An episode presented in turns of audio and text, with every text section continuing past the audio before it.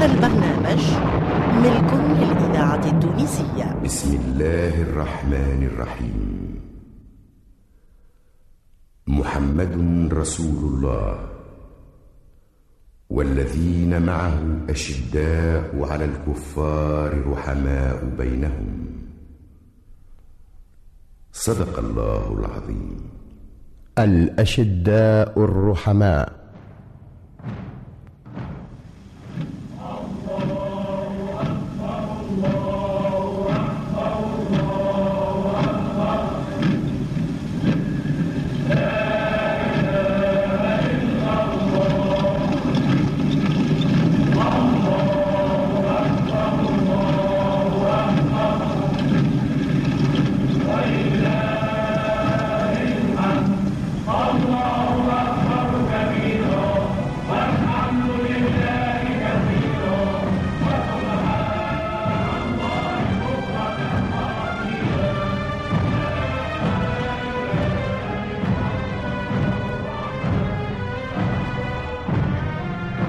موعد تلتقون فيه مع الفرقة التمثيلية للإذاعة التونسية.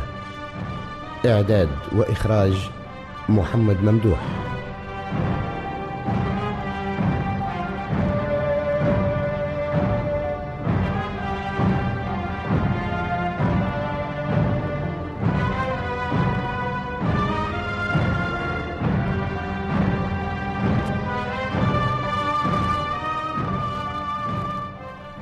يا معشر قريش إني من أرماكم ولا تصلون إلي حتى أرميكم بكل سهم معي ثم أضربكم بسيفي حتى أقتل.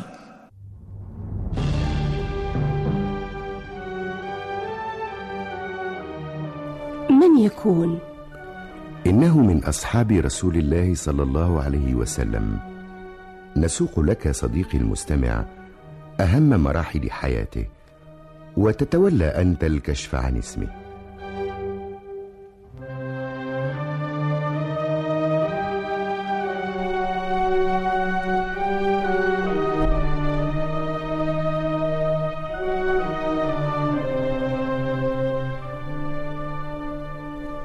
إنه عامل من عملاء كسرى بأرض الموصل.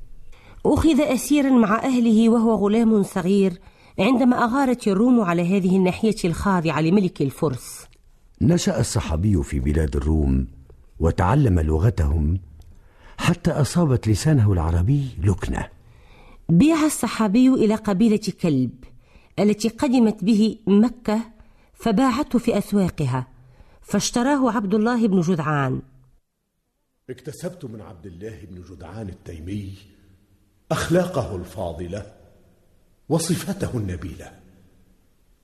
فقد كان يشفق علي ويغمرني بعطفه وحنانه إلى أن أعتقني.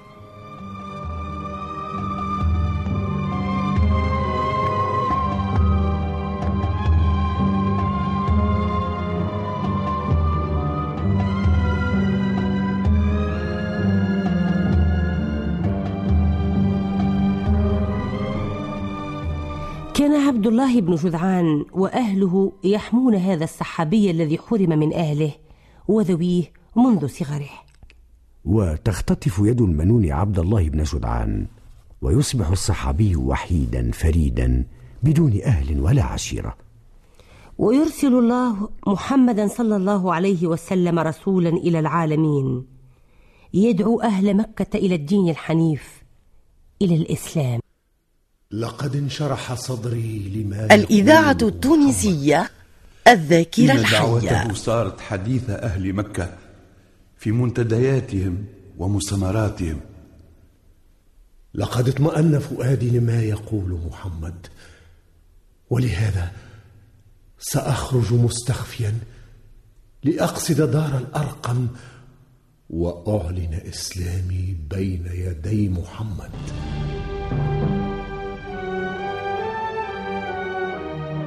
من يكون؟ إنه من أصحاب رسول الله صلى الله عليه وسلم. نسوق لك صديقي المستمع أهم مراحل حياته وتتولى أنت الكشف عن اسمه.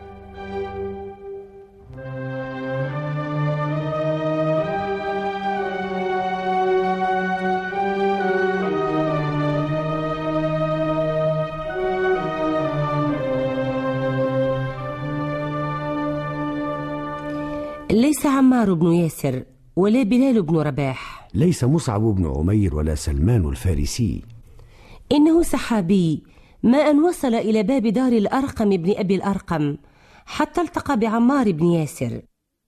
ما تريد يا عمار؟ أريد أن أدخل على محمد فأسمع كلامه. وأنا أنا كذلك يا عمار.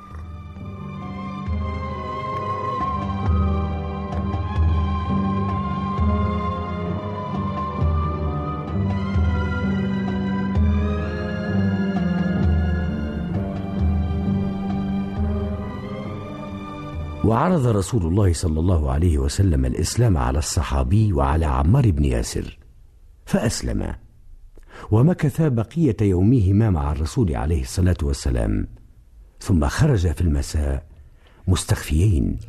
وكان إسلام هذا السحابي بعد بضعة وثلاثين رجلا. كيف تصبرون يا زعماء قريش على ما يبثه محمد من سموم؟ إن دعوته تزداد يوما بعد يوم. لا بد لنا من حل. الحل عندي أن تعذب كل قبيلة من تابع دين محمد.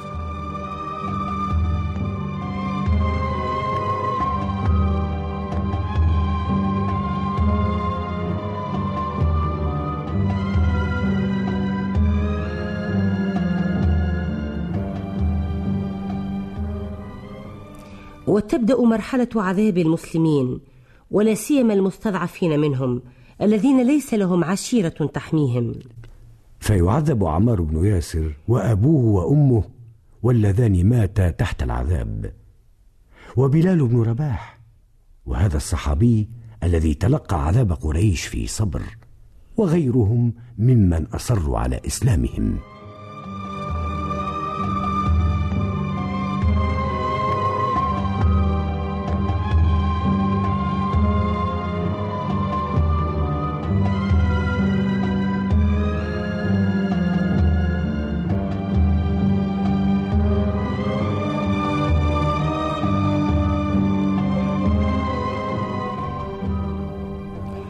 وتضيق بالمستضعفين السبل ويذهب أحدهم إلى النبي عليه الصلاة والسلام.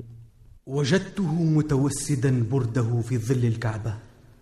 فقلت له يا رسول الله ألا تدعو الله لنا فيخفف عنا هذا العذاب؟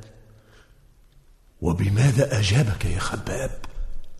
قال إنه كان في من قبلكم. يؤخذ الرجل فيحفر له في الأرض ويمشط بأمشاط الحديد ما دون لحمه وعظمه ويؤتى بالمنشار فيوضع على رأسه فيجعل على نصفين. ما يصرفه ذلك عن دينه.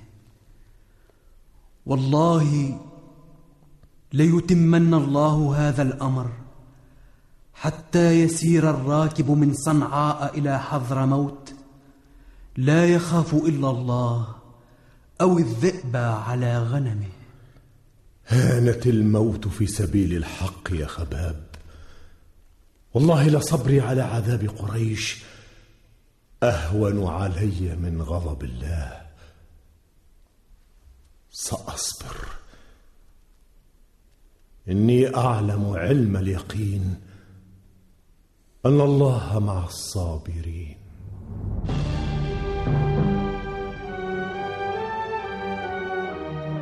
من يكون؟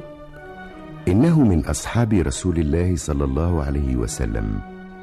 نسوق لك صديقي المستمع. الإذاعة أهم التونسية مراحل حياته الذاكرة الحية. وتتولى أنت الكشف عن اسمه.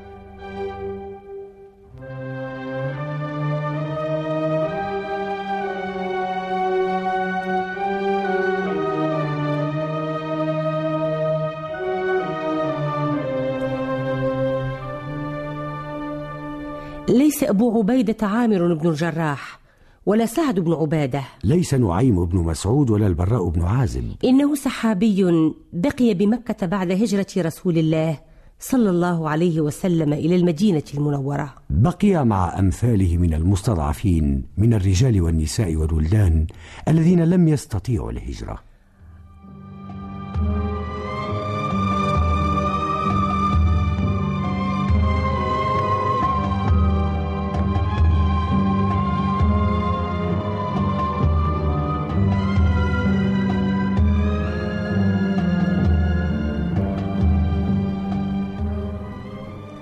ظل الصحابي صابرا متحملا متحملا ما تصبه عليه قريش من العذاب والتنكيل. لقد اشتد شوقي لرسول الله. وهل تنوي اللحاق به إلى يثرب؟ أجل أجل سأخرج من مكة. كلفني هذا الأمر ما كلفني.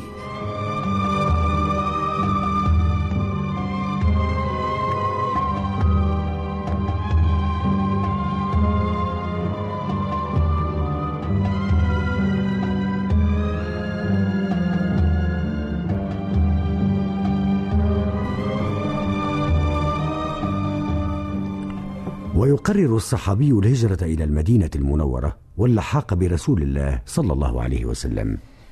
وعند مجاوزة الصحابي مكة المكرمة يتبعه نفر من قريش. عد إلى مكة. لن تلتحق بمحمد. يا معشر قريش لقد علمتم أني من أرماكم رجلا وأيم الله لا تصلون إليه حتى أرمي بكل سهم معي. ثم أضربكم بسيفي حتى أقتل. أتيتنا هنا صعلوكا حقيرا فكثر مالك عندنا. ثم تنطلق بنفسك ومالك. لن يكون هذا أبدا. أرأيتم؟ إن تركت لكم مالي تخلون سبيلي؟ نعم. إذا سأعطيكم ما جمعته من مال. ولم يتركوا له مدا من دقيق فعجنه بالطريق ليأكل منه.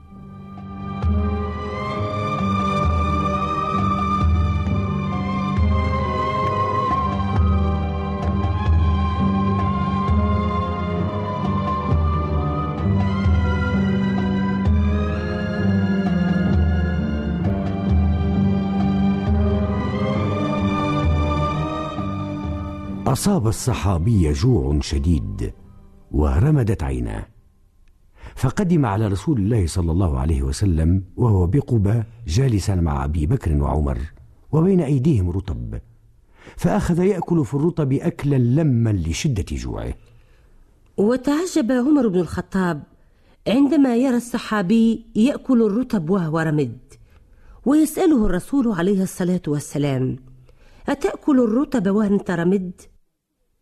إنما آكله بشق عين الصحيحة يا رسول الله.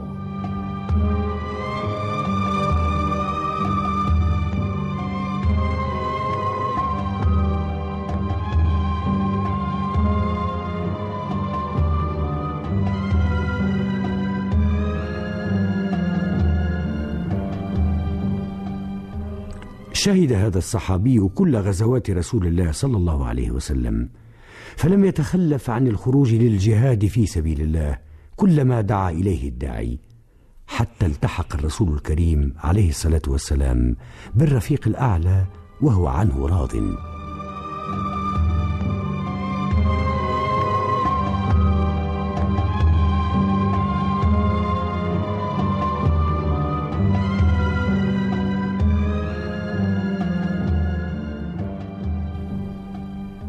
كان عمر بن الخطاب محبا لهذا الصحابي أشد الحب.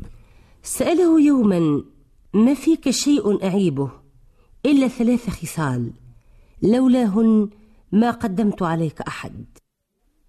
وما هن يا أمير المؤمنين؟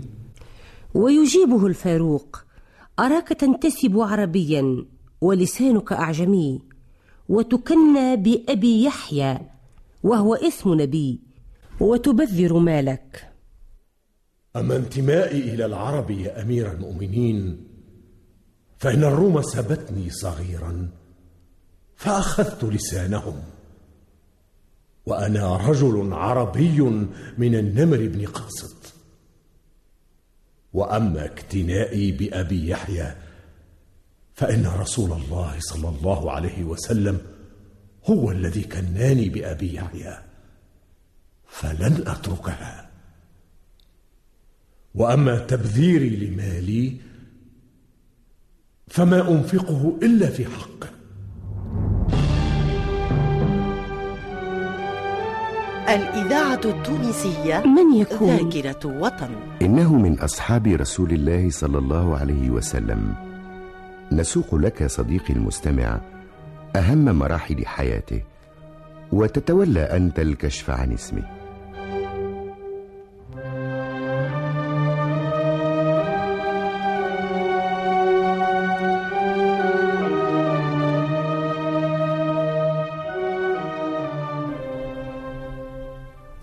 ليس أبو موسى الأشعري ولا الأحنف بن قيس. ليس موسى بن نصير ولا عبد الله بن أبي سرح. إنه صحابي صلى بالمسلمين إماما مدة ثلاثة أيام حتى اتفق أهل الشورى على من يستخلف بعد أن تعن عمر بن الخطاب ولهذه الإمامة قصة. كان عمر بن الخطاب يسأل أن يستخلف وهو صحيح فيأبى. ويسعد أمير المؤمنين يوما المنبر فيحمد الله تعالى ويصلي على نبيه صلى الله عليه وسلم ويقول إن مت فأمركم إلى هؤلاء الستة الذين فارقوا رسول الله صلى الله عليه وسلم وهو عنهم راض. ومن هؤلاء الستة الذين أوصى بهم أمير المؤمنين؟ عثمان بن عفان وعلي بن أبي طالب وعبد الرحمن بن عوف والزبير بن العوام وطلحة بن عبيد الله وسعد بن أبي وقاص.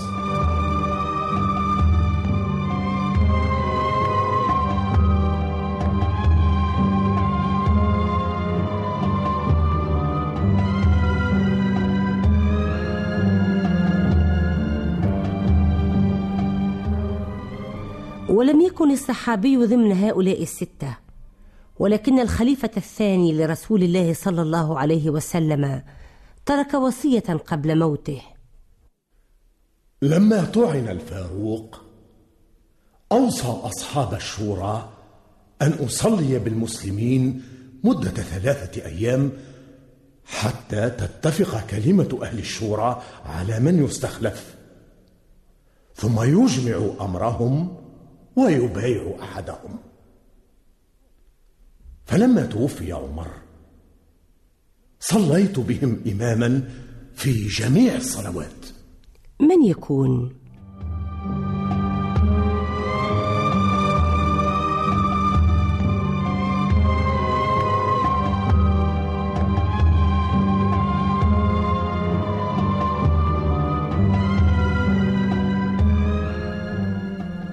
إنه صهيب بن سنان. الذي شهد له رسول الله صلى الله عليه وسلم بالجنة حينما قال أنا سابق العرب إلى الجنة وصهيب سابق الروم إلى الجنة. إنه الصحابي الذي قدمه عبد الرحمن بن عوف ليصلي على أمير المؤمنين عمر بن الخطاب قبل أن يوضع في قبره.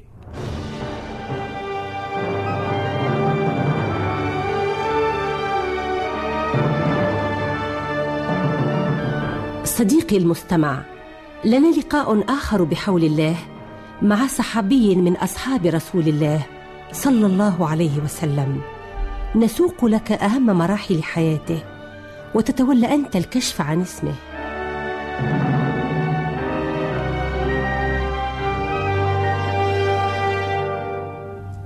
إلى اللقاء.